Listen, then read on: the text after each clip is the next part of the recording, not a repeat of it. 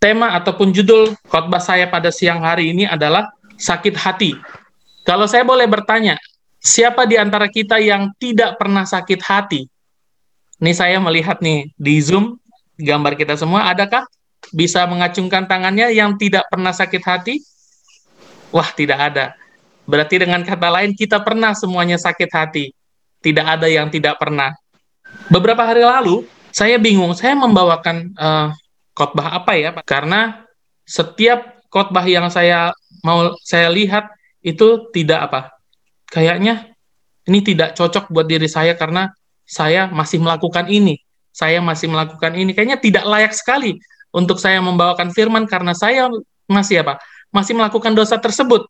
Aduh, ya sudahlah, saya beranikan saja pada suatu pagi ketika saya di kendaraan saya mendengar firman Tuhan dari seorang pendeta dan begitu baik tentang uh, sakit hati dan oh ya, saya mau bagikan ini karena ini juga dapat menegur saya yang notabene saya masih orang berdosa yang sering marah juga dan oh ya, melalui pelajaran ini juga saya lihat dilihat untuk apa? Untuk uh, memaafkan ataupun untuk mengetahui diri saya, wah ternyata sakit hati ini sangat sangat berbahaya. Baiklah, walaupun pada siang hari ini kita berdoa agar setiap jaringan di rumah kita masing-masing agar uh, tidak terputus-putus kembali karena memang ucar uh, udara yang begitu uh, mendung, uh, cuaca yang begitu mendung, ini juga dapat mengganggu koneksi sinyal kita dan juga karena mendung juga dapat mengganggu koneksi mata kita masing-masing ya Pak yang sering mengantuk. Biarlah kita tahan sejenak agar kita tidak mengantuk. Uh, saya berjanji saya tidak lama untuk uh, membawakan firman Tuhan agar setiap firman Tuhan yang singkat ini dapat apa? Dapat menjadi berkat bagi kita semua ketika kita sudah uh, pulang dari uh, ibadah ini. Baik, menurut uh, Kamus Besar Bahasa Indonesia, sakit hati ini bisa dikatakan yaitu dendam. Wow, saya melihat dendam dan juga benci dan juga apa dilukai hatinya. Lihat kalau kita lihat di foto orang yang sakit hati ini terkadang seperti ini, stres. Apa sih gunanya sakit hati? Saya percaya dengan kata Alkitab seperti berbahagialah orang yang membawa damai karena mereka disebut anak-anak anak-anak Allah. Tetapi seperti yang kita tadi pelajari di sekolah sahabat kita bahwa kita di dunia ini tidak apa? Tidak sendiri manusia.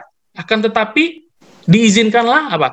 Iblis untuk untuk menemani kita. Sementara iblis menginginkan kita hidup dalam kebencian, peperangan, saling membunuh dan juga mempunyai akar kepahitan. Sesungguhnya orang bodoh dibunuh oleh sakit hati dan orang bebal dimatikan oleh iri hati. Saya mau bertanya, sakit hati ini adalah keadaan atau sakit hati ini adalah keputusan?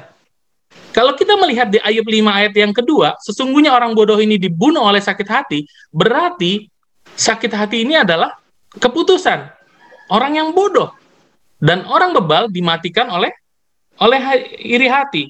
Kalau melihat ayat ini, kenapa kita harus sakit hati? Ya kan?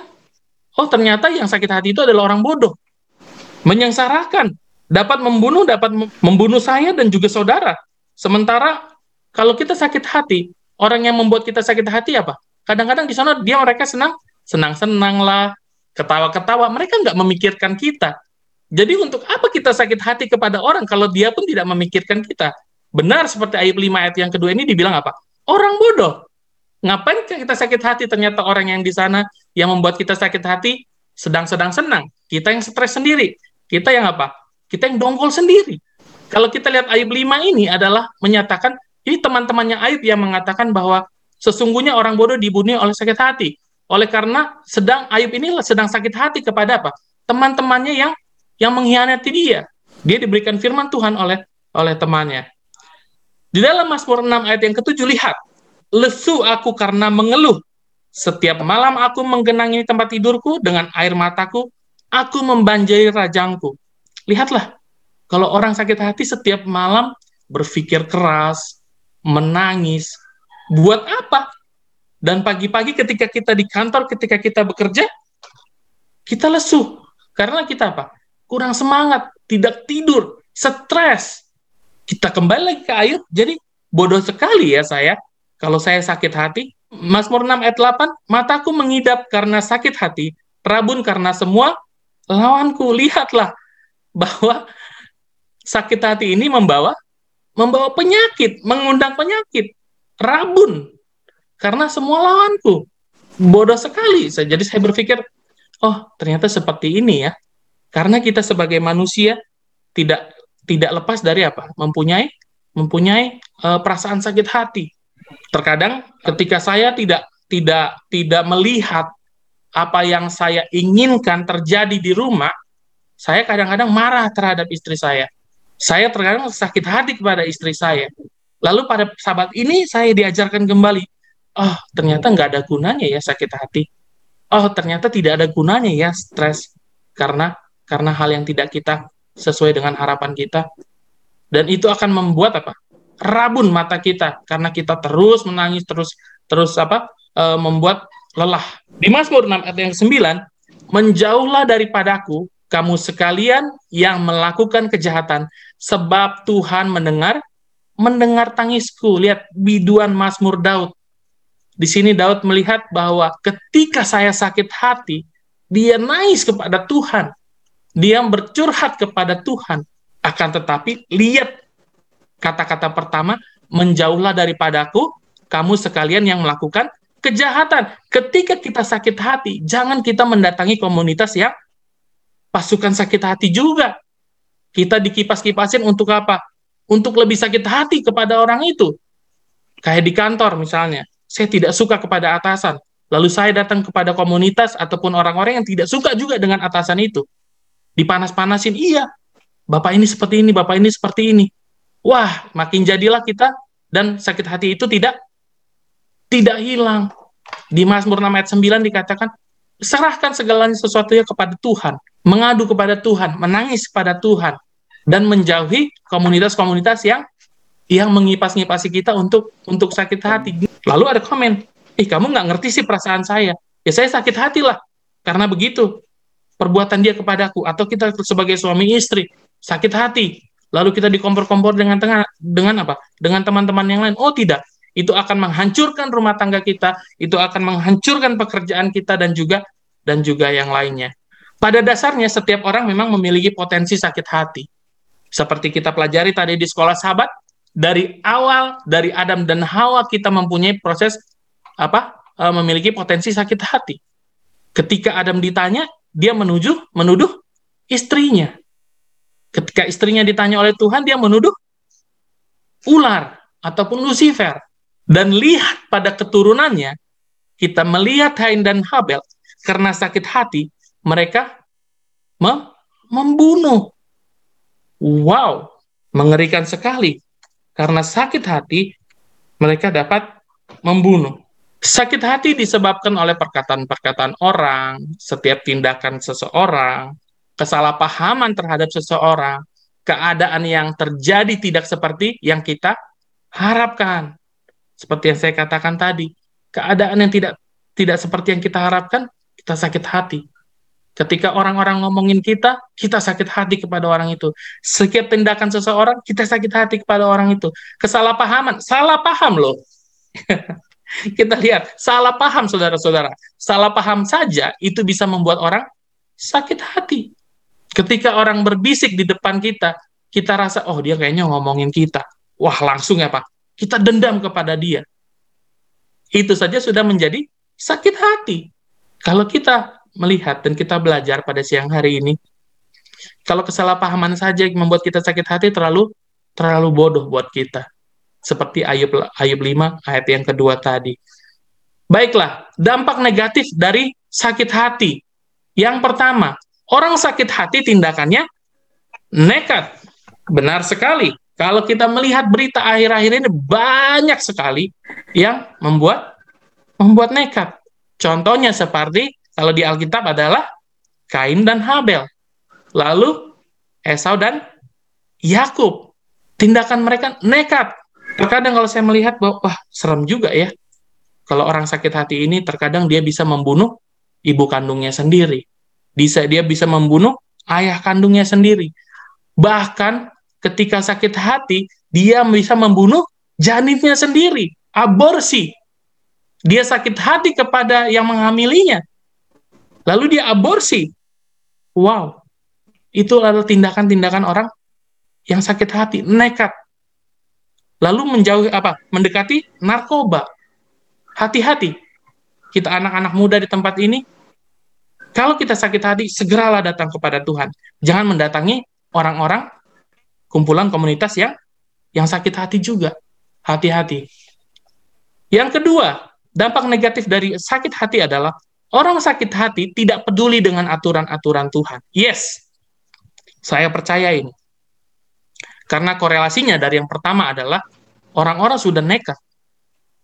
Ya, dia tidak akan menghargai Tuhan. Seperti hukum Taurat. Hukum yang pertama sampai dengan yang keempat. Kalau orang udah sakit hati, dia nggak akan ke gereja pada hari sabat. Yes. Kalau orang udah sakit hati, dia tidak akan menghormati orang tuanya lagi. Yes. Benar. Mencuri, ya. Membunuh, ya. Mengingini sesamamu, iya. Wow dampak orang sakit hati ini luar biasa sekali ya.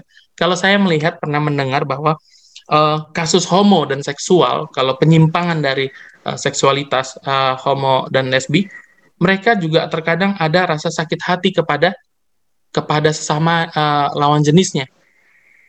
Karena dari kecil dia melihat bahwa orang tuanya sudah bertengkar, ayahnya memukuli ibunya, lalu dia benci terhadap laki-laki. Lalu dia menyukai perempuan sesama perempuan Begitu juga laki-laki melihat ibunya ataupun perempuan yang begitu apa? otoriter, menakutkan dan menyusahkan. Akhirnya ah saya tidak suka terhadap perempuan, akhirnya menyimpang. Mengerikan sekali dampak dari dari sakit hati ini. Oleh karena itu Daud tadi menya, uh, sekali lagi firman-Nya menyatakan bahwa datang kepada Tuhan. Jangan sampai sakit ini terus melekat kepada kepada kita. Memang pada dasarnya kita manusia bisa bisa sakit hati. Yang ketiga, orang sakit hati cenderung merasa perbuatannya benar. Ya. Apa pun yang dilakukannya adalah benar kalau orang sudah sudah sakit hati. Karena saya yang benar, dia yang dia yang salah. Belum tentu. Tadi dibilang di depan adalah bahwa sering salah paham. Jadi apa pun yang dilakukan seperti wanita ini, dia meminum obat penenang, ya benar. Dia mempunyai alasan. Saya stres, saya butuh penenang. Oke, okay. excuse-nya adalah saya meminum obat. Karena orang sakit hati ini pasti punya alasan. Coba deh, kira-kira kalau kita tetangga ataupun saudara ataupun kerabat ataupun sahabat kita sedang sakit hati, pancing sedikit, dia langsung cerita panjang lebar. Dan dia punya alasan untuk membenarkan dirinya. Dan apa pun yang diperbuatnya pasti benar. Mau itu membunuh, mau itu berbuat minum obat terlarang, mau seperti yang saya kata saya katakan tadi perbuatan seks menyimpang, itu mereka mempunyai alasan masing-masing. Itulah dampak negatif dari sakit hati. Ngeri kali ya, mengerikan sekali menurut saya. Dampak yang keempat adalah orang sakit hati tidak peka terhadap suara Tuhan. Yes, orang yang sudah sakit hati kepahitan sekalipun sekali, kalau kita nasihati nggak akan nggak akan didengar. Malah kita di apa? Ditolak mau kita buka ayat Alkitab seribu di di di depan di depan dia, tidak akan dia mendengarkan. Itu kalau orang sudah sakit hati. Makanya pada saat sahabat ini kita ditegur kembali oleh firman Tuhan, datang kepada Tuhan. Jangan sampai kita apa? Mengakar di dalam hati kita, jangan sampai akar kepahitan yang akan menjerumuskan kita dan kita seperti orang orang bodoh. Kita nggak mau bodoh di tempat ini, apalagi anak-anak Tuhan di CBC tidak mau menjadi bodoh karena karena sakit hati. Karena kenapa? Belum tentu tadi dikatakan bahwa orang-orang yang yang bikin sakit hati kita apa? Mereka memikirkan kita. Mereka sedang di Bali, sedang jalan-jalan, kita apa? Nangis di rumah, nggak ada gunanya. Jadi mulai saat ini kita kita harus belajar untuk move on katanya, move on Baik, bagaimana keluar dari sakit hati? Wow, ini ini ini saya tidak panjang untuk membawakan firman Tuhan hanya sekilas saja agar firman ini dapat kita dapat kita apa renungkan di rumah kita masing-masing dan kita juga menjadi lebih baik lagi. Yang pertama adalah sadar. Saya garis bawahi kata sadar bahwa sakit hati tidak pernah mengerjakan hal yang positif. Sadar bahwa sakit hati tidak pernah mengerjakan hal yang positif karena pekerjaan sakit hati ini adalah yang ada adalah mendendam, pekerjaan kita ngawur, di kantor juga ngawur, apalagi kita sakit hati di di kantor. Yang ada kita, yang saya lihat adalah cepat-cepat bikin surat resign. Dia tidak memikirkan keluarganya di rumah. Dia mempunyai istri yang tidak bekerja. Dia mempunyai cicilan cicilan rumah. Akhirnya dia dia kacau di luar. Dan saya lihat bahwa benar kita harus sadar bahwa sakit hati tidak pernah mengerjakan hal yang yang positif. Yang kedua, beradalah di sekitar orang-orang percaya yang selalu dipenuhi sukacita. Ini dia. Ketika tadi Mas Daud katakan kita keluar dari komunitas yang pasukan sakit hati, di sini kita suruh apa? Datang. Datang untuk mendatangi komunitas yang yang percaya dan selalu dipenuhi sukacita dan mau mendoakan, mendukung, bukan mengompor, ngompori. Ketika kita sudah berdoa pada Tuhan, kita datang ke komunitas gereja, kita cerita kepada Pak Pendeta agar agar didoakan. Inilah yang Tuhan mau. Inilah yang kita mau pada siang hari ini. Baiklah, kalau kita sakit hati, kita datang kepada orang-orang yang kita percaya, keluarga kita yang baik. Jangan jangan kepada hal-hal yang hal-hal yang tidak benar. Karena ingat, setan pada saat ini juga apa? Sedang mencari mencari waktu. Ketika kita sakit hati, itu adalah timing yang tepat untuk dia apa? Mengajak kita, menghancurkan kita seperti Adam, Adam dan Hawa. Hey, ketika kamu makan buah itu, kamu akan seperti Allah. Itu waktu yang tepat ketika apa? Hawa mendatangi buah itu. Timingnya tetap tepat, kesempatannya tepat. Hati-hati. Jadi kita juga harus melakukan dan mencari teman-teman yang tepat. Yang ketiga, penuhi, penuhilah hati kita dengan pengampunan dan kasih Tuhan. Sekali lagi ditekankan bahwa pengampunan. Ketika kita sakit hati, walaupun yang bikin sakit hati kita di luar ataupun tidak dekat dengan kita, kita beri pengampunan dalam hati kita oh aku mengampuni dia, oh aku mengampuni kesalahan teman saya. Dan kasih Tuhan, wes, lihat kasih Tuhan. Ketika Allah menciptakan Adam dan Hawa, dan dia melanggar perintah Tuhan, itu adalah alasan yang tepat kalau Allah sakit hati kepada manusia. Dan tadi pertanyaannya luar biasa. Ketika sudah berdosa, apa hubungannya Allah dengan manusia? Ya, dari sebelum berdosa sampai sudah berdosa dan sampai pada saat ini, Allah tetap menjadi Bapa kita. Tempat curhat kita. Yesus tetap menjadi penebus kita. Lihat ketika Yesus disalibkan, dia sudah mengampuni orang-orang yang menzolimi dia. Yang menyalibkan dia. Alasan yang tepat bagi Yesus untuk sakit hati kepada manusia. Ya, dicambuk, diludahi. Dan ketika naik disalib, dia mengatakan, ampunilah mereka karena mereka tidak tahu apa yang mereka perbuat. Wow, luar biasa. Itu lebih menyakitkan dari kita diomongin orang. Itu lebih menyakitkan dari hal yang kita difitnah orang. Kita belajar, kita melihat kasih Tuhan. Dosa kita begitu luar biasa, tapi kita masih bisa datang pada saat ini untuk apa? Untuk memohon ampun. Pengampunan Tuhan tidak ada tidak ada batasnya. Kenapa kita nggak mengampuni orang lain? Tuhan saja mengampuni dosaku, ini yang memberikan pelajaran kepada saya khususnya pada siang hari ini. Oh iya ya, belajar untuk mengampuni berasal dari dalam hati dulu. Nggak usah kata-kata dulu yang kita keluarin. Pertama dalam hati, oh ya Tuhan, aku udah mengampuni dia. Baru kalau kita gentle, ya kita akan apa? Bilang kepada mereka. Atau kita yang meminta maaf duluan. Orang yang minta maaf duluan belum berani, dia kalah. Dia kalah. Lalu bagaimana keluar dari sakit hati yang Keempat ialah ingat penderitaan Yesus seperti yang saya bilang. Lihat, luar biasa sekali. Bukan tanpa alasan dia bisa untuk sakit hati kepada manusia, terlebih yang menyalibkan dia. Karena ketika Yesus dalam ke dunia, datang ke dunia, dia memang Tuhan.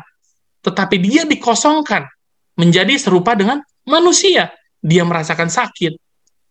Dari umur 7 tahun sampai dengan 30 tahun dia belajar dia menjadi tukang kayu, dia kosong datang ke dunia dan diisi sampai dia apa? Sampai dia disalibkan. Bukan hal yang mustahil dia datang dari surga dengan kemuliaan, enggak. Bisa saja. tetapi sistem Allah berbeda. Ingatlah penderitaan Yesus. Ingatlah penderitaan Yesus. Ingatlah penderitaan Yesus. Ini yang akan membangun kita, membuat kita move on untuk kita memaafkan orang lain. Selalu berjuang untuk maju. Lihat apa yang kita telah pelajari di depan tadi, bahwa ketika kita sakit hati, kita nggak akan maju. Kita tetap berada di situ-situ saja. Kita cuma ada di dalam hati kita dongkol. Kita nggak bisa maju. Kita nangis. Kita sakit. Kita stroke. Memikirkan hal-hal tersebut. Sakit jantung dan yang lainnya. Nggak bisa maju. Berjuang adalah suatu proses. Kata kerja. Berjuang untuk maju. Jadi, kita berjuang, kita melakukan proses-proses yang Tuhan telah berikan kepada kita, kita dekat kepada Tuhan, kita tidak sakit hati, kita mengampuni, itu adalah proses untuk kita berjuang untuk maju. Inilah pekabaran firman Tuhan kepada kita pada siang hari ini. Biarlah uh, renungan yang singkat ini bisa membuat kita uh, menjadi orang-orang yang menjadi pemaaf, menjadi orang-orang yang selalu bersuka cita. Marilah bersuka cita, jangan bersungut-sungut. Tadi seperti lagu tadi, karena Allah Bapa kita akan diamkan ribut. Tenang, karena Allah Bapa kita akan mendiamkan ribut. Tetaplah bersuka cita, jangan bersungut-sungut. Tuhan Yesus memberkati.